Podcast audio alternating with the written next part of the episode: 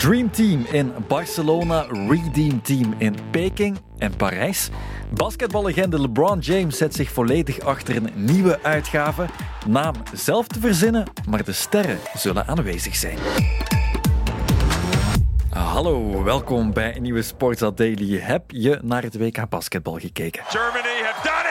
They have conquered the world. Hopelijk niet als fan van de USA. And the Germans have done it.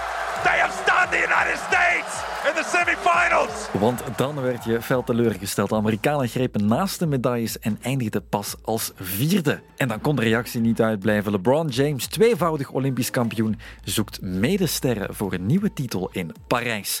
Kan Team USA nog eens met een superteam naar een Olympische titel reiken? Dennis Said, hallo. Goedemorgen. Als we het over het Amerikaanse basket willen hebben, kunnen we alleen maar uitkomen bij Dennis Said, commentator en presentator bij PlaySports. En Dennis weet dat een WK zonder medaille voor een Amerikaanse ploeg altijd te weinig is. uh, als uh, een Amerikaanse nationale ploeg geen medaille pakt op een internationaal toernooi, dan is het altijd een beetje vreemd en teleurstellend, want je verwacht dat Amerika altijd minstens in de finale staat. Dus dat is altijd wel het geval. En schaamte ergens wel, maar vooral ja, de excuses die zijn er nu ook al meteen. Van ja, we zijn niet met onze beste spelers naar daar gegaan, we hebben niet onze A-ploeg gebruikt. Um, al die dingen die komen al meteen naar boven. Ook al was dat team op papier heel sterk. En misschien zelfs op papier de sterkste ploeg van, uh, van, het, uh, van het volledige WK. Ja, met name zoals Paulo Banquero, Rookie of the Year in de NBA. Brandon Ingram ook, de jonge Anthony Edwards. Maar goed, om wereldkampioen te worden bleek het te weinig. Ook Emma Meeseman volgde het WK. Hallo. En zij weet waaraan de USA zich misschien verbrand heeft. Ik denk dat het allemaal een beetje meer pikt, omdat er juist daarvoor een... Uh dat interview was met, oh, ik weet zijn naam niet meer, die atletieker. De winnaar op de 100 meter op het WK in Budapest natuurlijk, Noah Lyles. You know the thing that hurts me the most is that I have to watch the NBA finals and they have world champion on their head. World champion of what? The United States? Die zei van ja, NBA-kampioen uh, noemt zichzelf wereldkampioen. Ja, world champion of what? United States. En dan zijn ze allemaal automatisch, uh, ook die grote sterren van... Uh, ja, NBA is sowieso de beste competitie van de wereld. Dus ja, je bent sowieso wereldkampioen. Uh, dus ik denk sowieso dat die grote sterren nu echt wel samen gaan komen. En zich ook gewoon goed gaan voorbereiden. Ze gaan niet twee keer dezelfde fout maken van oké, het zal wel lukken. We hebben de beste spelers van de wereld. Um, dus ja, met dat LeBron nu al uh, zo begint van te zeggen van oké, ik, ik ga ervoor gaan denk ik echt wel dat ze ja, die, die titel gaan, gaan pakken en gewoon hun trots weer herstellen, denk ik. Voilà, Meeseman zegt het goed. Het piekt en het snijdt. De trots is gekrenkt. De USA wil weer de beste zijn.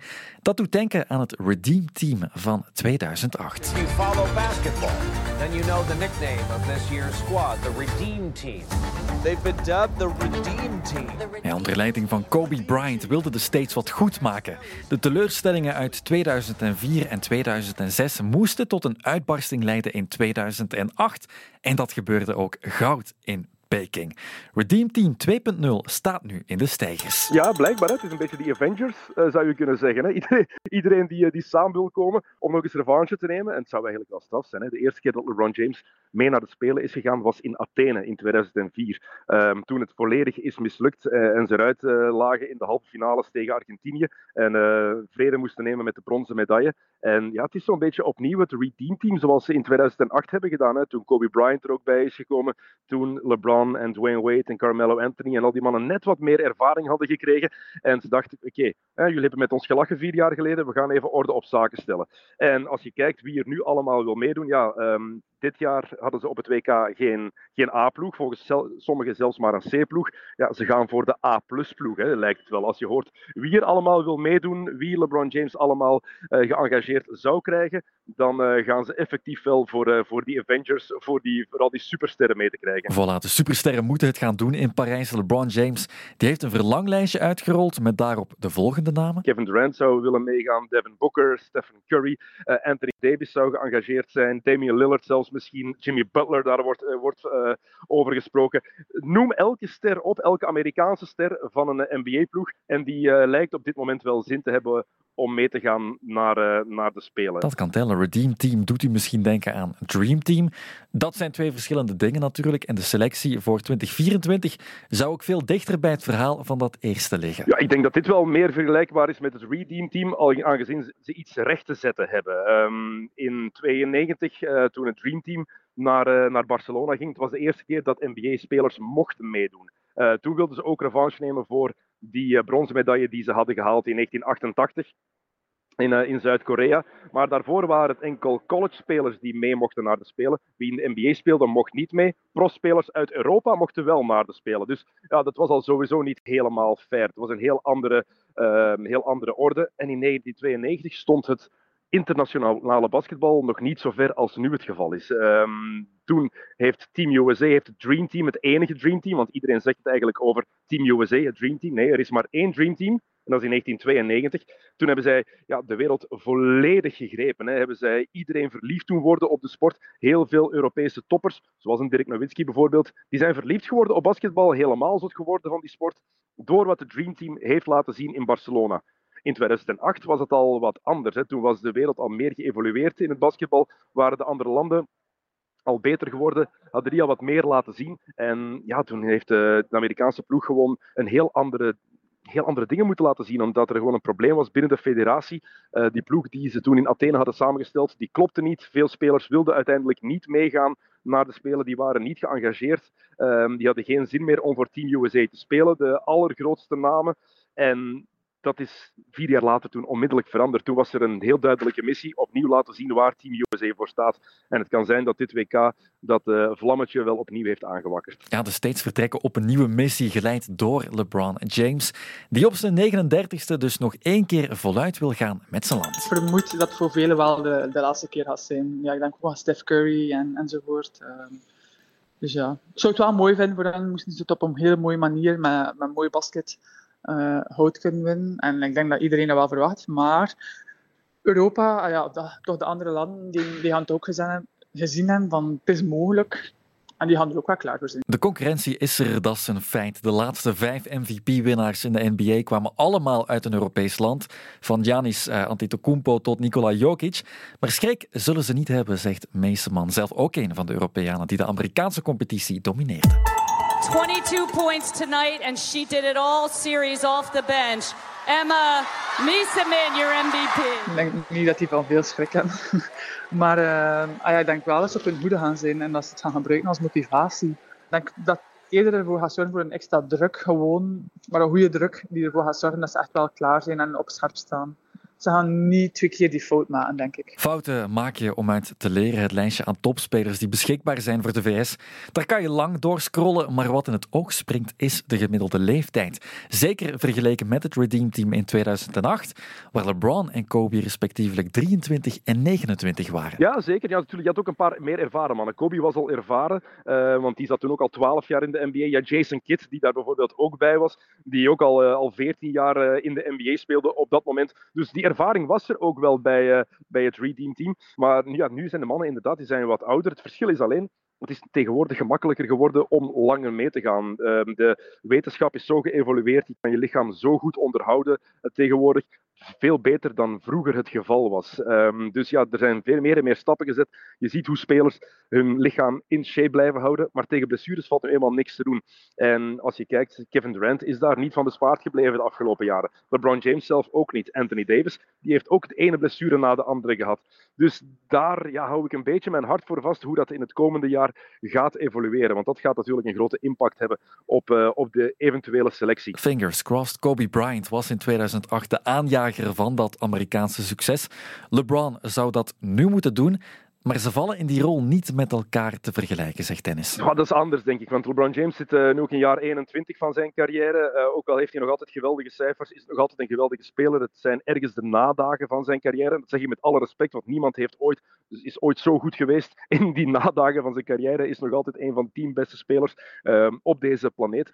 Maar Kobe was toen wel absoluut op zijn toppunt. In 2008 was hij de MVP van de NBA. Eh, een jaar later heeft hij een titel gewonnen. Het jaar daarna nog eens een titel gewonnen. Dus Kobe was toen ja, op de piek van zijn, van zijn krachten eigenlijk, zeg maar. Dat was een van de absolute toppunten van, uh, van zijn carrière. Ik weet niet of dat bij LeBron James het geval gaat zijn. Ik denk het niet eigenlijk. Maar Betekent dat dat hij de rest van de wereld niet kapot kan spelen? Absoluut niet. Voilà, schrik aanjagen doe je niet. Bij de Amerikanen zijn meeste mannen al.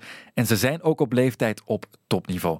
Toch even kijken, wie zijn de grootste uitdagers in Parijs? Canada, daar moeten we echt wel naar kijken. Canada uh, was nu al sterk, maar Jamal Murray was er nog niet bij. Benedict Mathurin was er nog niet bij.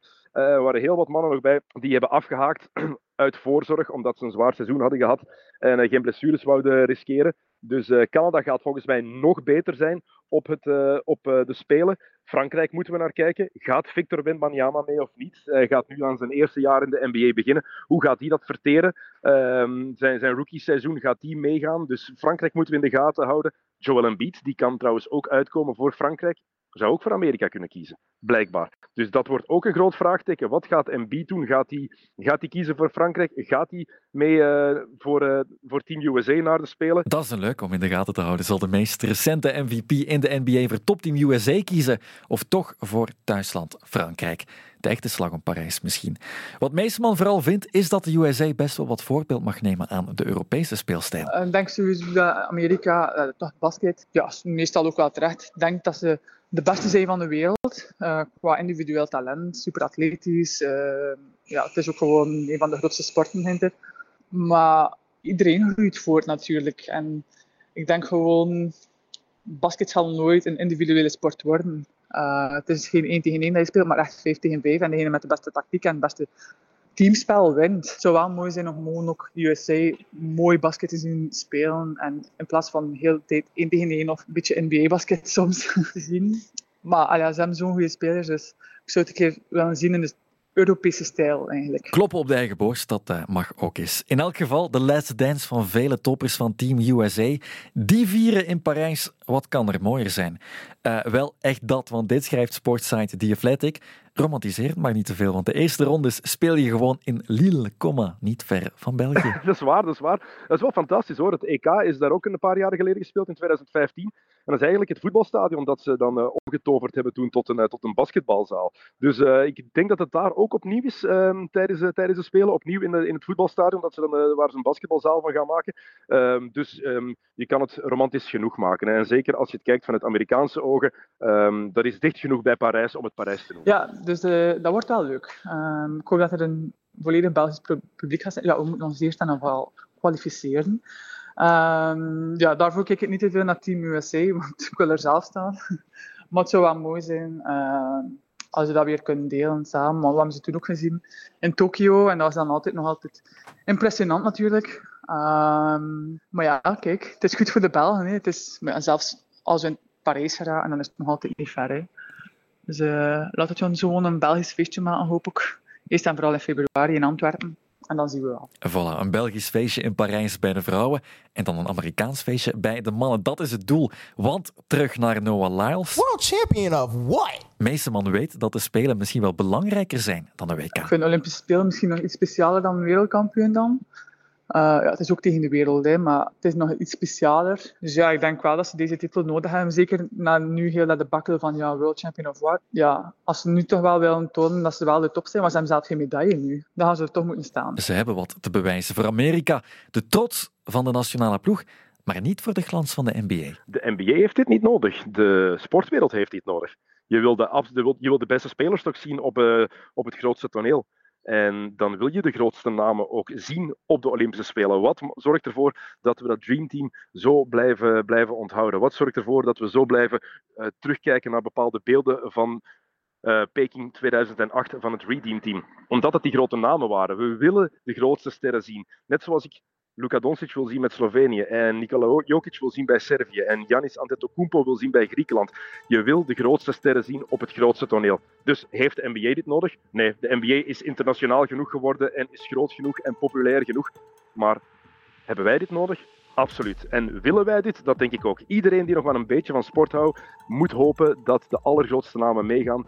En uh, dat we kunnen genieten van, uh, van, gewoon, van de beste spelers die tegen de beste spelers spelen. En hopelijk voor, voor, voor waanzinnig spektakel zorgen. Overtuigd? Ik denk het wel. Team USA trekt met een Redeem Team 2.0 naar de Spelen van Parijs onder leiding van levende basketballegende LeBron James. Om de WK's met weg te spelen en voor de sterren op leeftijd van de NBA om zichzelf voor eens en voor altijd aan de wereld te bewijzen. Zo gingen we een paar seconden in overtime, maar dat heb je met goede sprekers. Morgen een nieuwe Sportza Daily in de Postbus.